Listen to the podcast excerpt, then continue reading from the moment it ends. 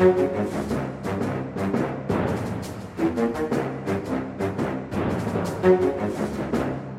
Det, vi tar det videre. Det er det her som er, det er, det er podkasten, så vi kan like gjerne bare starte. Ja. Nei, men det er fint. Eh, Da er vi på plass med en eh, liten eh, Aftenpodden USA. Jeg mener, eh, Øystein Langberg, du sitter på Skype fra hjemmekontoret ditt i Brooklyn. Jeg sitter her eh, i Oslo i eh, mer eller mindre, hva heter det? Det er jo ikke medisinsk karantene, det er vel men i en slags eh, selvisolasjon. Hva heter det? Hva er det de kaller det? Nei. Social Ja, social distancing. Det gjelder jo både hjemme og ute på gata. Og de er ikke sånn sykt gode på det i forhold til nordmenn. Det er litt andre intimgrenser. Nei, jeg har hørt mye, det er mange som snakker nå om at uh, ulike, deler av, uh, ja, ulike deler av Norge så er det, er det noe man har praktisert i årevis. Det er ikke helt det samme i et litt sånn ekstrovert og utadvendt USA, Øystein. Nei, men jeg leste noen som skrev at dette kom amerikanerne til å fikse, for de var så kalde og kjølige, var liksom en persons analyse sammenlignet med Sør-Europa. Men da har ikke de vært i Norge, for å si det sånn, tenker jeg. Da er vi trygge alle sammen, det, hvis skalaen går der. Ja, jeg går jo i sånne ringer rundt få på gata her, men det er ganske mange som kommer tett på i køen på, bort på kafeen her sånn. Eh, Her eh, hjemme så har vi jo på en måte begynt å venne oss til å være innelåst, eller i hvert fall eh, bortstua, alle sammen. Kan ikke du bare kjapt dra litt sånn hva som er, hva som er den store status hos dere nå, Øystein? Jo, nei, altså på, på TV i dag, i morgen i dag, så hørte jeg på sånn lokal-TV fra New York, og der var beskjeden alle metrolinjer er i rute. Og da vet du at ting ikke er som det skal i New York, når det ikke er en eneste forsinkelse noe sted. Da er det all grunn til, å- til alarm. Så, så New York er i ferd med å stenge helt ned. Eh, Og det har skjedd i løpet av den siste uka. Vi ligger på en måte noen dager bak Norge. Så alt som skjer i Norge, det skjer her litt senere. Så jeg vet at når det er dorullhamstring i Norge, så må jeg løpe på butikken og kjøpe dorull. For da er det to-tre dager, og så er det tomt for doruller her. Og det er det. Er det faktisk tomt for doruller, eller er det fordi at det, i Norge så har jo denne hamstringa Det starta jo, det var jo veldig hardt her på, på torsdag i forrige uke. Da var folk eh, ivrige. Jeg var snakka på den lokale, lokale butikken eh, min her, og da sa de at de hadde samme omsetning sist torsdag som de hadde på lille julaften. Så det, er liksom, det var en sånn monsterdag på shopping. Men de hadde jo fortsatt dopapir. Det er jo litt Ja. annen størrelse på liksom der logistikken og frakten av varer eh, inn og ut av New York. Det har ikke gått tom der heller, eller er det Nei, og det er sånn Butikkene er tomme til tider, og så virker det som de fyller på, på ganske fort. Og det er jo den samme beskjeden her som i Norge, at det finnes nok papir i USA til, å, til at alle skal kunne gå på do de neste ukene. Så, så, så, så det kommer til å gå bra. Men det er selvfølgelig hamstring i stor skala, og amerikanerne da hamstrer jo også gønnere og ammunisjon, ser vi bilder av fra litt mer andre stater da enn New York. Så, så det er storstilt hamstring på gang. Den eh, våpenbransjen er en bransje som ser ut til å kunne klare seg ganske bra nesten uansett hva som skjer. Når når det varsles strengere våpenlover i USA f.eks., så var greia da løp folk ut for å kjøpe våpen eh, for Ja. å eh, rekke det før lovene skulle komme og forby dem. Eh, Når det skjer eh, altså, skjer noe dramatisk eller kriminaliteten går opp, så kjøper man litt ekstra våpen. Når det kommer en pandemi, så kjøper man noe våpen. Det er litt sånn motsyklisk bransje, det der våpengreiene. Ja, veldig. Jeg var jo snakka med noen våpenforhandlere for noen uker siden, og de sa jo at liksom, de var veldig fan av Trump, selvfølgelig. Eh, ikke så fan av Joe Biden og Bernie Sanders, men de sa at Trump hadde vært en katastrofe for salget. Det er ingen som kjøper ammunisjon lenger. De sa at folk hadde bunkra opp så mye under Obama at de hadde alle de våpnene de trengte, og all den ammunisjonen de trengte. Men nå ser det ut til at det endrer seg da med koronaviruset, som noen da åpenbart skal skyte seg ut av. det, er den, det er sånn løser man den eh, utfordringen der. Nei, men Ja. eh, hvordan er dette for, eh, for eh, kriseforståelsen? Fordi nå, nå på dagene går litt sånn i surr, men da vi snakka sammen sist i hvert fall, så hadde jo Donald Trump stort sett eh, lagt seg på en linje på at dette var en eh, mer eller mindre vanlig influensaepidemi. Det var ikke så fryktelig mye farligere, og hvis du var ung og frisk, så hadde du egentlig ikke noe særlig å bekymre deg for. Men siden den tid så har det skjedd veldig, veldig mye der som her.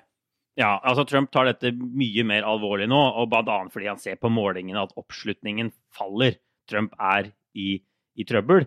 Så nå har det blitt lagt fram eh, krisepakke på krisepakke. så Det har blitt kutta kraftig i renta. Nå gjøres det ganske mye. USA tester vesentlig flere enn før. Det var jo det store problemet, at de ikke har testa nok folk for, for dette viruset. Men, men det er fortsatt ikke en sånn supertydelig kommunikasjon fra Trump. I det øyeblikket så eh, bagatelliserer han det litt. Han, han ville jo ikke ta denne influensatesten selv, eh, før liksom mediene nærmest pressa han til det. Selv om jo det er rådet når man har kanskje vært i kontakt med folk. Eh, ja, fordi han, han endte jo på et bilde ved siden av rådgiveren til uh, Bolsonaro fra Brasil, var det ikke det? Jo, jo. Altså, Eller var det, er flere, andre også? det var som flere som har blitt uh, testa positivt etter denne helgen på Mar-a-Lago i Florida. Så, så Trump burde det, så det er tydelig at det var litt utbrudd der. Eh, så, så det er ikke så lett å lese Trump eh, og hva man skal gjøre. Og det er et problem i hele det amerikanske samfunnet at det er litt sånn uklar kommunikasjon. Her om dagen så var jo guvernøren i Oklahoma for eksempel, la ut et bilde på Twitter hvor han skrøt at han var på restaurant, og der Ja, var det helt smekkfullt. ja. Og, og Oklahomans liksom, de går ut og støtter næringene sine, og han hadde med barna. og Et sånn trangt bilde. Den tweeten er sletta nå. Og i New York har de jo gått kommet ganske langt i å stenge ting og sånn. Eh, De stengte skolene i helgen, f.eks. Broadway har vært stengt kjempelenge. Alle sportsligaene i USA er stengt eh, i det som nå vel er en uke. Men i går så, så Mm. stakk eh, Ja, eller for noen dager siden så stakk eh, ordføreren i New York, Billy Blasio, på treningsstudio. Stikk i strid med alle råd de selv gir i staten her. Ja, nettopp. Da kan jeg, opp, da kan jeg opplyse deg fra de hjemlige trakter, så var treningsrommet på, i A55, altså Aftenposten og, og VG-bygget, var det aller, aller første drastiske tiltaket som ble gjort i mer eller mindre Oslo. Den, det røyk aller først. Der var det ikke kjangs. Men Bilder Blasio, han tar sjansen. Han er, eh, han er på Er, ikke han sånn treningsfrik? Jo, det kan Det vet jeg ikke helt. Men det er jo et tegn på det, da, når han velger å gjøre det her, eh, og bli så upopulær som han nå har blitt på Twitter. Han har fått mye kjeft for det. Eh, og det er nok problemet i USA foreløpig at, at eh, det er ikke noen sånn helhetlige råd, og mange er litt usikre på hva de skal gjøre. Og jeg tror i mange stater så er det mange som fortsatt møtes på plasser med mange mennesker. Ja, Hvordan er det de egentlig nå fordeler seg? For det er jo sånn at enkeltbyer og enkeltstater har vel på en måte gått foran Mm. eh, de føderale myndighetene med å innføre tiltak også i, i ukene og dagene som gikk. Men uh, hvordan er egentlig det samspillet mellom stat og, skal si, altså enkeltstatene av de 50 og, eh, og nasjonalstaten og myndighetene sentralt i sånne situasjoner som det Nei, her? altså, Jeg nevnte jo at det er en del likheter mellom Norge og USA i måten ting møtes på.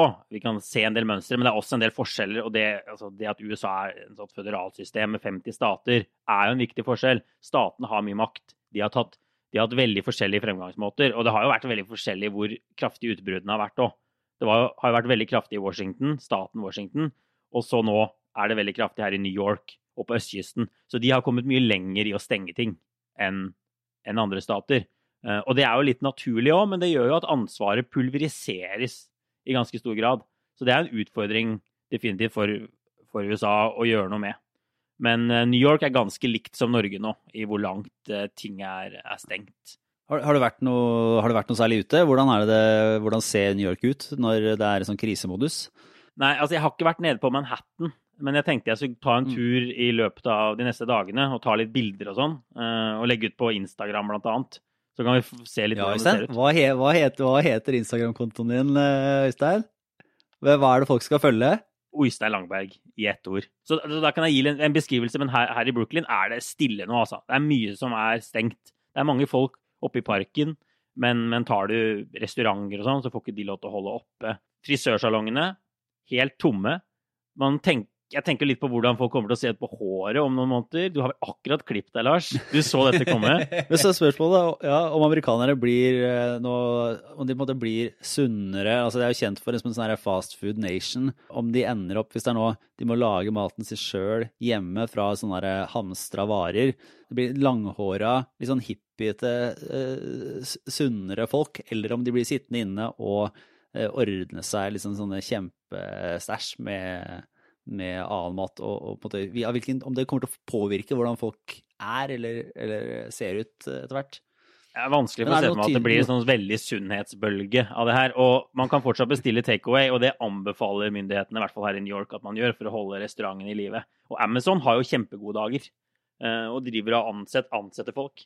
Ja, de skulle vel ansette 100 000 nye ansatte, eh, rett og slett, Amazon, Ja. for å måte, møte etterspørselen etter hjemsendte varer.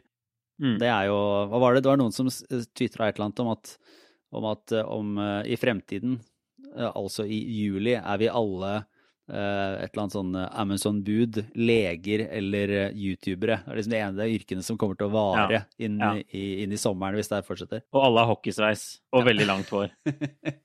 Garantert. Ja, og det som, er, det som, er, interessant på butikken her, jeg har sett noen sånne morsomme Twitter-bilder, er jo at normalt så er det litt vanskelig å si hva er det som selger, hva er det som ikke selger, for hyllene er alltid fulle. Men nå er det sånn veldig avslørende hva som står igjen etter at folk har hamstra. Jeg så et sånt bilde av en helt tom hylle, og så var det hummus med sjokoladesmak. Det var det ingen som hadde plukka med seg. Da får du heller stå til. Høyst, høyst forståelig. ja. Men, men, men, for å være litt alvorlig, da, så, så, eh, er det jo en del forskjeller på, på, hvordan USA og Norge kan møte det her. Og i New York så har det, vært, så har det å stenge skolene sittet ekstremt langt inne. Og ordfører de Blasio holdt en ganske sånn sterk pressekonferanse her om dagen hvor han forklarte litt hvilke avveininger de gjør. da. Han, da, han sier i hvert fall at New York City da, har et tall på 114 000 hjemløse barn. Som rett og slett får all maten sin på skolen, f.eks. Så de har helt klart en del helt særegne problemer som gjør, som, som gjør at ja, vurderingene blir ganske annerledes enn i Norge. da. Så skolene holder åpent for mm. barn som trenger det, hvor de kan få, i hvert fall få liksom, den maten de trenger da, inntil videre. Det er selvfølgelig også veldig mye fattigdom. Eh, veldig mange som ikke har sykeforsikring, særlig av de som ikke tjener så godt. Så de får ikke noe penger hvis de ikke, hvis de ikke er på jobb. Så i USA i Norge så har de jo på en måte så vidt jeg skjønner, da, så har disse redningspakkene gått til å også bl.a. gi kunstnere og frilansere og sånn penger i permisjon. Eh, det handler om å liksom ut, bygge ut et ekstre, allerede ekstremt godt sikkerhetsnett. I USA handler det om bare å gi folk helt grunnleggende ting, som noen dagers sykepenger, slik at de ikke trenger å gå på jobb med koronavirus. Ja, nettopp, for det har jeg sett på som et, et, eh, våpen for å forhindre videre smitte også, at ikke alle som som er sjuke, syke, men ikke har ordninger for, eh, for, sykepenger, faktisk må gå på jobb og smitte alle andre. Og, det er jo typisk sånne tjenesteyrker der man møter veldig mange. Ja. Så det er jo sett på som en mulighet. Men det har vel også kommet forslag og, og krav, nå er det riktignok fra, fra demokratene i Kongressen, er det vel, om at man skal måtte komme med en slags garanti for sykepenger for en del grupper.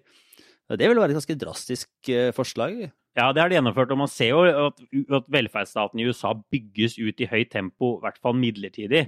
Eh, men dette er jo ting vi har hatt i Norge i tiår, ikke sant? Eller ja, kjempelenge. Eh, så det er jo ganske grunnleggende ting. Eh, sånn sett så foregår jo denne debatten på en helt annet sted i USA enn i Norge. For hvis vi skal se på Norge, da, så, så har vi jo Eh, fra før av en, en sterk velferdsstat, eh, som, eh, som, vi vet, og et oljefond og en økonomi som gjør at vi at har en del ja, reserver å ta av. Da. Man, kan, man, måtte, man må ikke ut og, og låne enorme summer i, i, det internasjonale pengemarkedet for å kunne oppfylle sånne krav og gi, gi, goder og være en forsikringsordning for de som nå permitteres eller måtte miste jobben. Men hvordan er det det egentlig stiller seg i USA? Hvor mulig og lett er det for amerikanerne å hoste opp eh, de midlene som trengs da, for å skulle gjennomføre sånne store grep for både befolkninger og bedrifter? Nei, altså USA har jo, Jeg tror USA har noen uh, store utfordringer som, som, ikke Norge har. Det er jo et mye større land. Det er vanskeligere. Norge er jo relativt lite. Det er lettere å lage en skreddersydd, god pakke som svarer på, som på en måte går inn og svarer på de problemene, eller løser det der skoen trykker mest. Det er veldig mm. vanskelig med 320 millioner innbyggere, 330 millioner innbyggere å gjøre det. Uh, og så har de jo ikke et oljefond, sånn som Norge har, som gjør at dette er jo penger de må f.eks.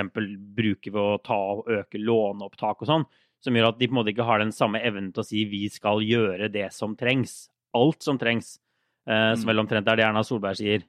Her er det jo mye mer kost-nytte-vurderinger av situasjonen som gjør at nedturen kan bli vesentlig kraftigere. òg. og så har jo Norge en stor offentlig sektor. Mange folk som jobber i offentlig sektor som ikke kommer til å miste mm. jobbene sine nå. Offentlig sektor er mye mindre i USA. Uh, og det er jo derfor typisk arbeidsledigheten øker mer når det er krise, enn, enn i Norge. Jeg lurer på, Man ser jo på en måte nå paralleller til, eh, til, eh, til finanskrisa i, i, i 2008, 2009, 2010, og det som fortsatte, fortsatte der. Det er jo ikke så lenge siden, og i Norge så, så ble det jo på en måte løst altså Jeg skal være forsiktig med å si at det ble, gikk helt, helt fint, for det var mange som mista jobben og, og havna i utfordrende situasjoner også her. Men det ble jo tross alt eh, mindre tøft enn i veldig veldig mange andre land. Og i USA så Langt Langt mindre tøft, ja.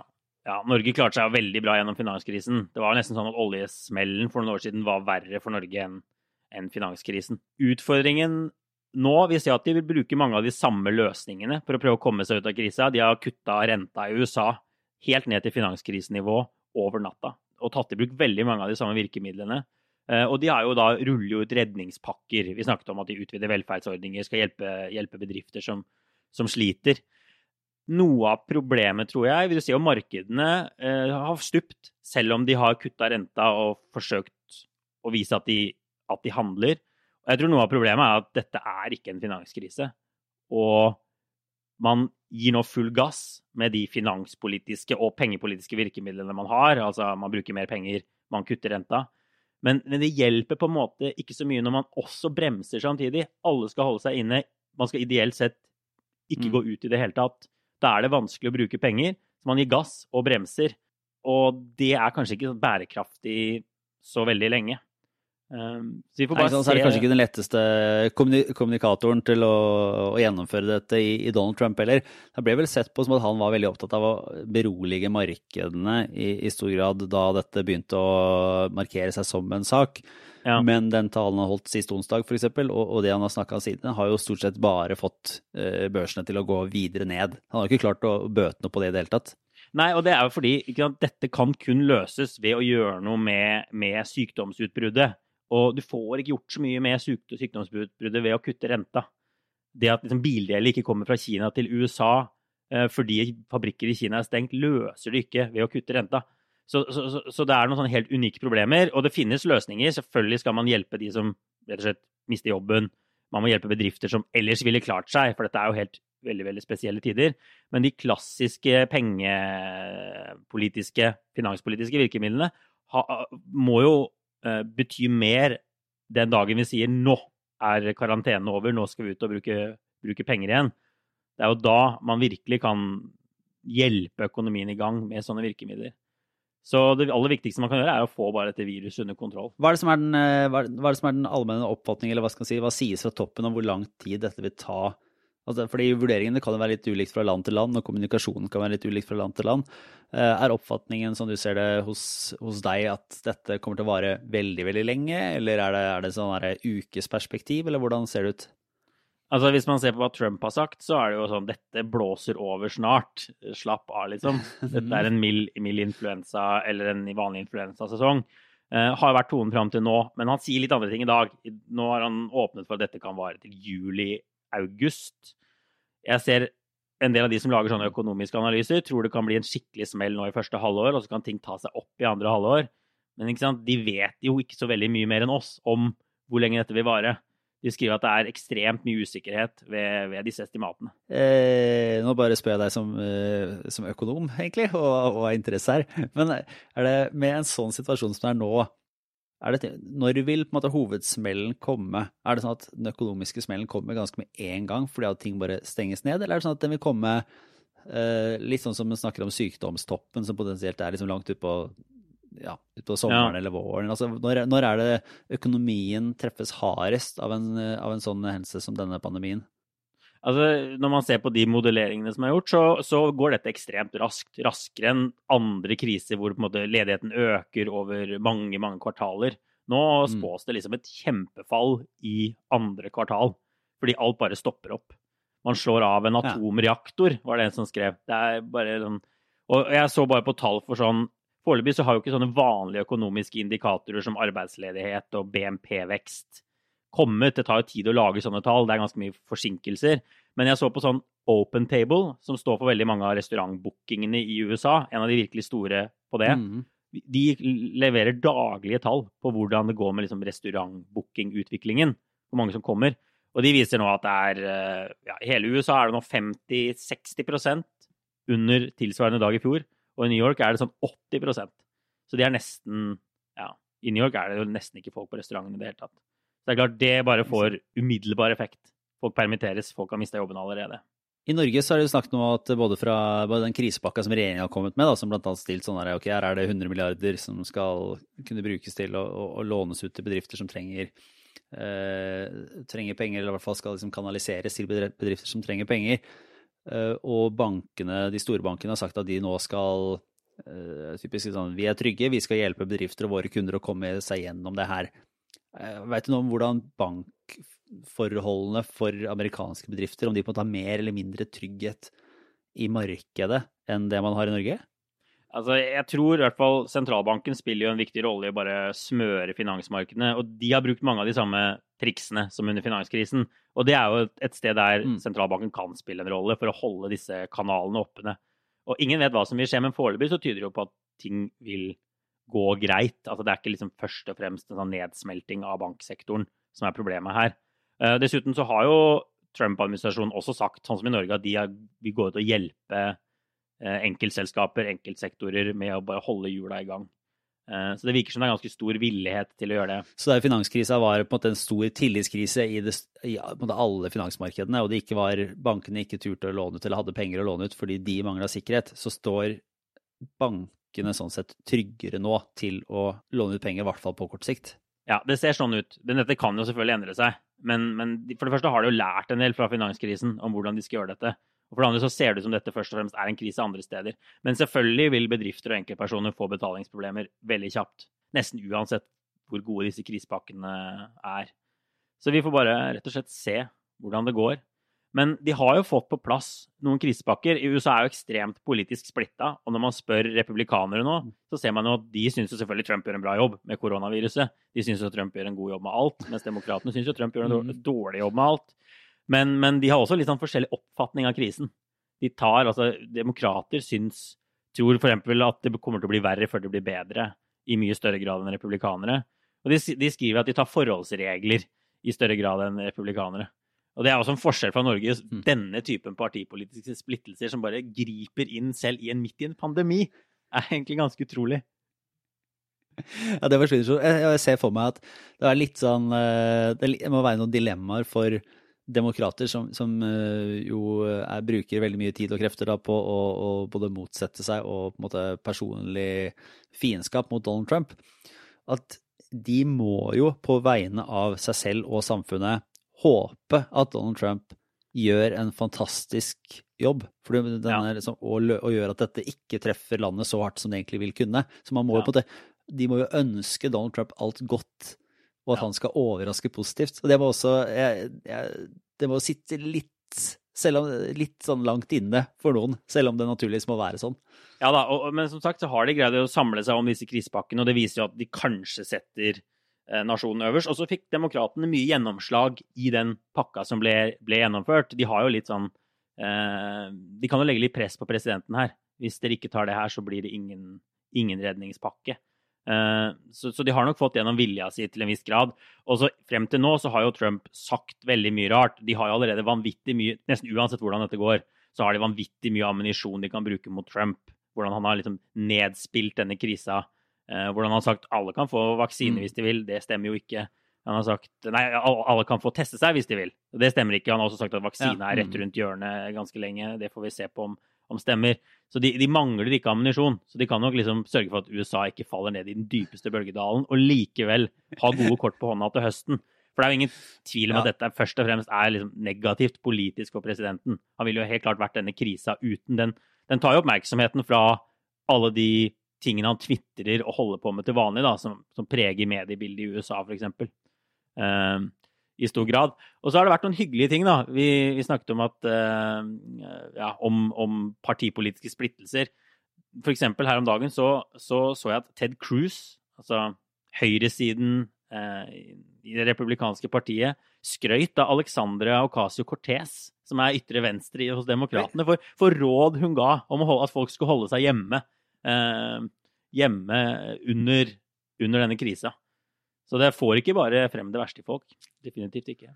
Nei, det, jo, det kan jo si at uh, amerikanerne kanskje trenger en litt sånn ytre fiende på et eller annet uh, tidspunkt uh, for å samles på tvers av de skillelinjene som er oppstått. Og da er det jo, en, det jo sånn sett en fordel at den fienden er et virus og ikke et eller annet annet i internasjonal storpolitikk.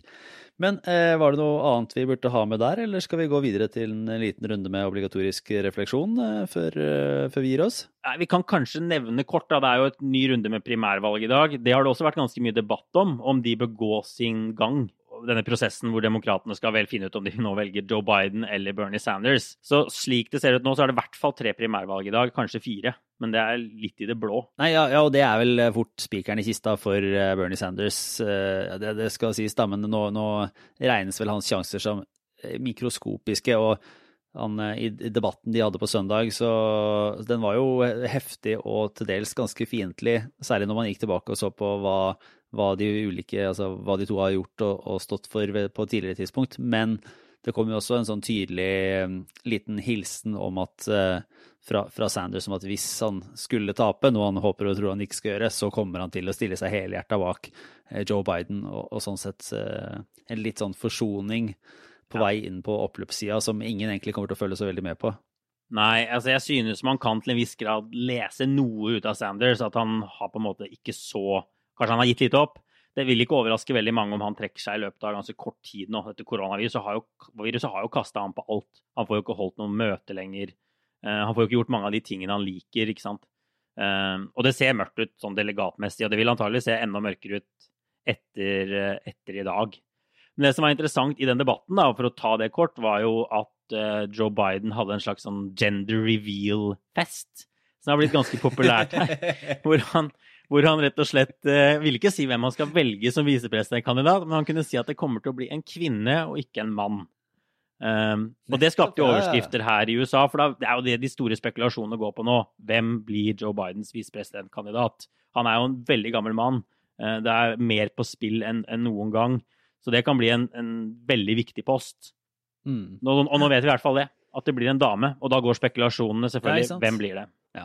Jeg tror uh, akkurat eh, den visepresident Jeg bruker så mye tid og helt ubrukelige mentale krefter på å tenke visepresidentkandidater for Joe Biden, så det er mulig at vi går tilbake til det om uh, en ukes tid. og så ser litt på, Hvis han ikke har valgt innen den tid, så kan vi se litt på hvilke kandidater som faktisk er der, og hva det, hva det eventuelt vil bety. Men jeg kan jo fortsette inn i en, et, lite, et, lite, tips. Ja, vi kan jo, vi kan jo, vi kan jo til, til neste episode også høre hva de lytterne tenker, hvem han burde velge. Om de har noen gode råd og tips. Ja. Det er jo morsomt. Gjerne. Det er veldig fint. Det tar vi imot på, på, gjerne på Twitter, på Aftenpodden. Uh, at Aftenpodden, heter det egentlig. Uh, der diskuterer vi jo stadig vekk. Eller på Facebook-sida til Aftenpodden, der vi også kommer til å legge ut uh, lenke til, til, ting vi snakker om. Og Da kan jeg jo fortsette inn i en liten kjapp obligatorisk refleksjon som jo, eh, det er jo på en måte fortsettelsen av bekymring for, eh, for, småbedrifter, men dette er i et litt lengre perspektiv. Fordi det er jo et faktum at den eh, amerikanske, jeg vet ikke om du skal kalle det, er det en avis flora eller en avis fauna? det er jeg usikker på, Lars. enten, er, enten er det ene eller andre, så er det, den, altså så er det sånn at amerikanske lokalaviser er jo i ferd med å dø ut i, i veldig stor grad, og har hatt tøffe, tøffe, vilkår i et par tiår allerede. Og nå er det store, store områder som i praksis ikke har noen form for lokaljournalistikk. Så det de sitter igjen med, er jo uh, større aviser uh, og til dels altså lokal, altså radio, som ikke nødvendigvis er lokal, men som er, liksom, som er semilokale varianter, da. Men mange av de avisene som vanligvis var der i lokalsamfunnet og spilte en viktig rolle, sånn som mange norske lokalaviser gjør i, i bygder landet rundt, de fins ikke lenger. Eller de er på en måte skåret ned til noe som ikke har noen form for mm. funksjon i et sånn demokratisk perspektiv. Da. Eh, så jeg leste en tekst i eh, The New Yorker som jeg kan dele på Facebook-sida, som handla om noen av disse avisene, og hvor hvordan det stopper helt sånn informasjonsflyten på helt sånn basisnivå i samfunn som har et åpenbart behov for å, for å vite hva som skjer. For det gjør jo at mm. politikere kan styre og stelle og gjøre ting og ta beslutninger helt uten at noen faktisk ettergår dem. Og det er jo sånn som vanligvis er et eh, ja, sånn festtaleuttrykk da, fra avisredaktører. Og uh, mye pene ord. Men jeg tror særlig på det lokale nivået så har det en sånn helt konkret funksjon som, eh, som ikke blir ordentlig ivaretatt. Og man kan jo bare frykte at den nedturen som kommer nå, med, med, de mulige innhogg det betyr for annonsemarkedet og sånne ting, at det kommer til å bli enda verre. Det er eh, jo i så fall synd. Så jeg kan jo oppfordre alle til å abonnere på en lokalavis, i Norge da, i hvert fall, som en slags ja. solidarisk uttrykk og ivaretagelse av, eh, av, den rollen. Det er jo ganske billig å abonnere på aviser i USA òg. Så man kan jo tegne seg en søsteravis i en amerikansk liten småby. Og spesialisere seg på et eller annet sted. Det hadde vært kjempefascinerende. Ja, ikke sant? Skal du lese noen sånne oppdateringer fra bystyremøtene i et eller annet Nowhere, Kansas? Og høre Vi har jo i hvert fall eh, tid til å lese mye nå om dagen, så kanskje dette er tidspunktet for å gjøre det. Åssen er det med deg, Øystein? Hva tenker du på? Nei, jeg tenker på, Det er jo noen uker siden jeg hadde en slags kåring på podden av verdens beste og verste land å gjøre fem på gata i, eller være journalist i. Jeg sa jo at Tyskland ligger høyt på lista over steder jeg syns det har vært veldig vanskelig å få folk til å stille opp på noe som helst. Bare det å spørre om hvilken favorittrett du har, og ha navn og bilde, er, kan være en utfordring. Um, og jeg mente jo at USA, og da jeg nevnte Australia, men USA er definitivt også et land hvor folk i hvert fall jeg finner at folk stiller opp veldig lett. Eh, og det var en helt slående sak i New York Times for noen dager siden med Noah Colvin fra Tennessee, som hadde kjøpt 17 700 flasker med antibac i løpet av de siste ukene. Han hadde reist rundt i staten. Først hadde han tømt Amazon, og så hadde han reist rundt i staten og kjøpt alt han hadde funnet.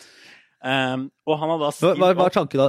Var tanken at han skulle selge dette, eller var tanken at han skulle ha det? og på en måte Nei, være nei, sånn, han Var han sånn doomsday prepper som hadde Ja, han skulle selge det på, på Amazon til kjempepris. Og det lå han jo an til å få en stund, helt til Amazon bare stengte ned alle sånne selgere som han.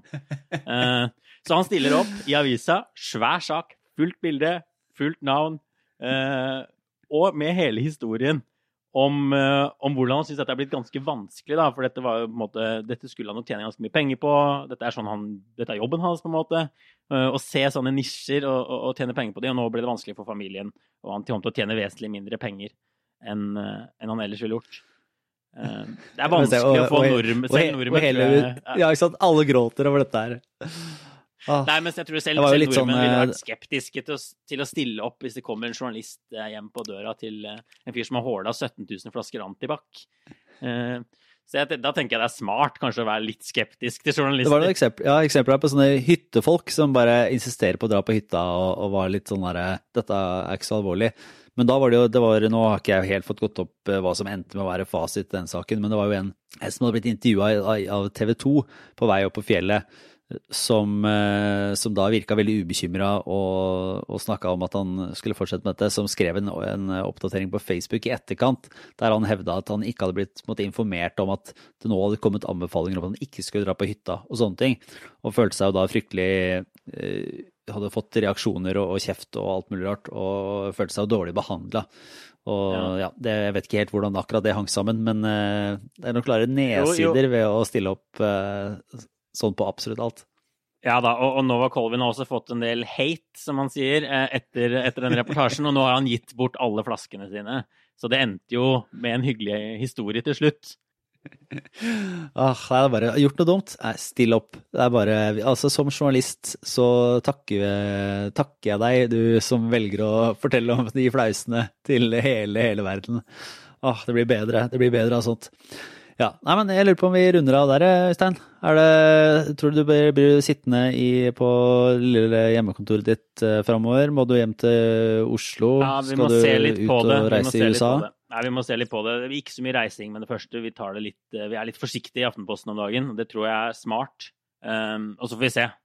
Uh, det virker jo ikke som Trump har Ja, ikke sant. stålkontroll på dette. Så det kan jo være smart å holde seg litt i ro en stund til.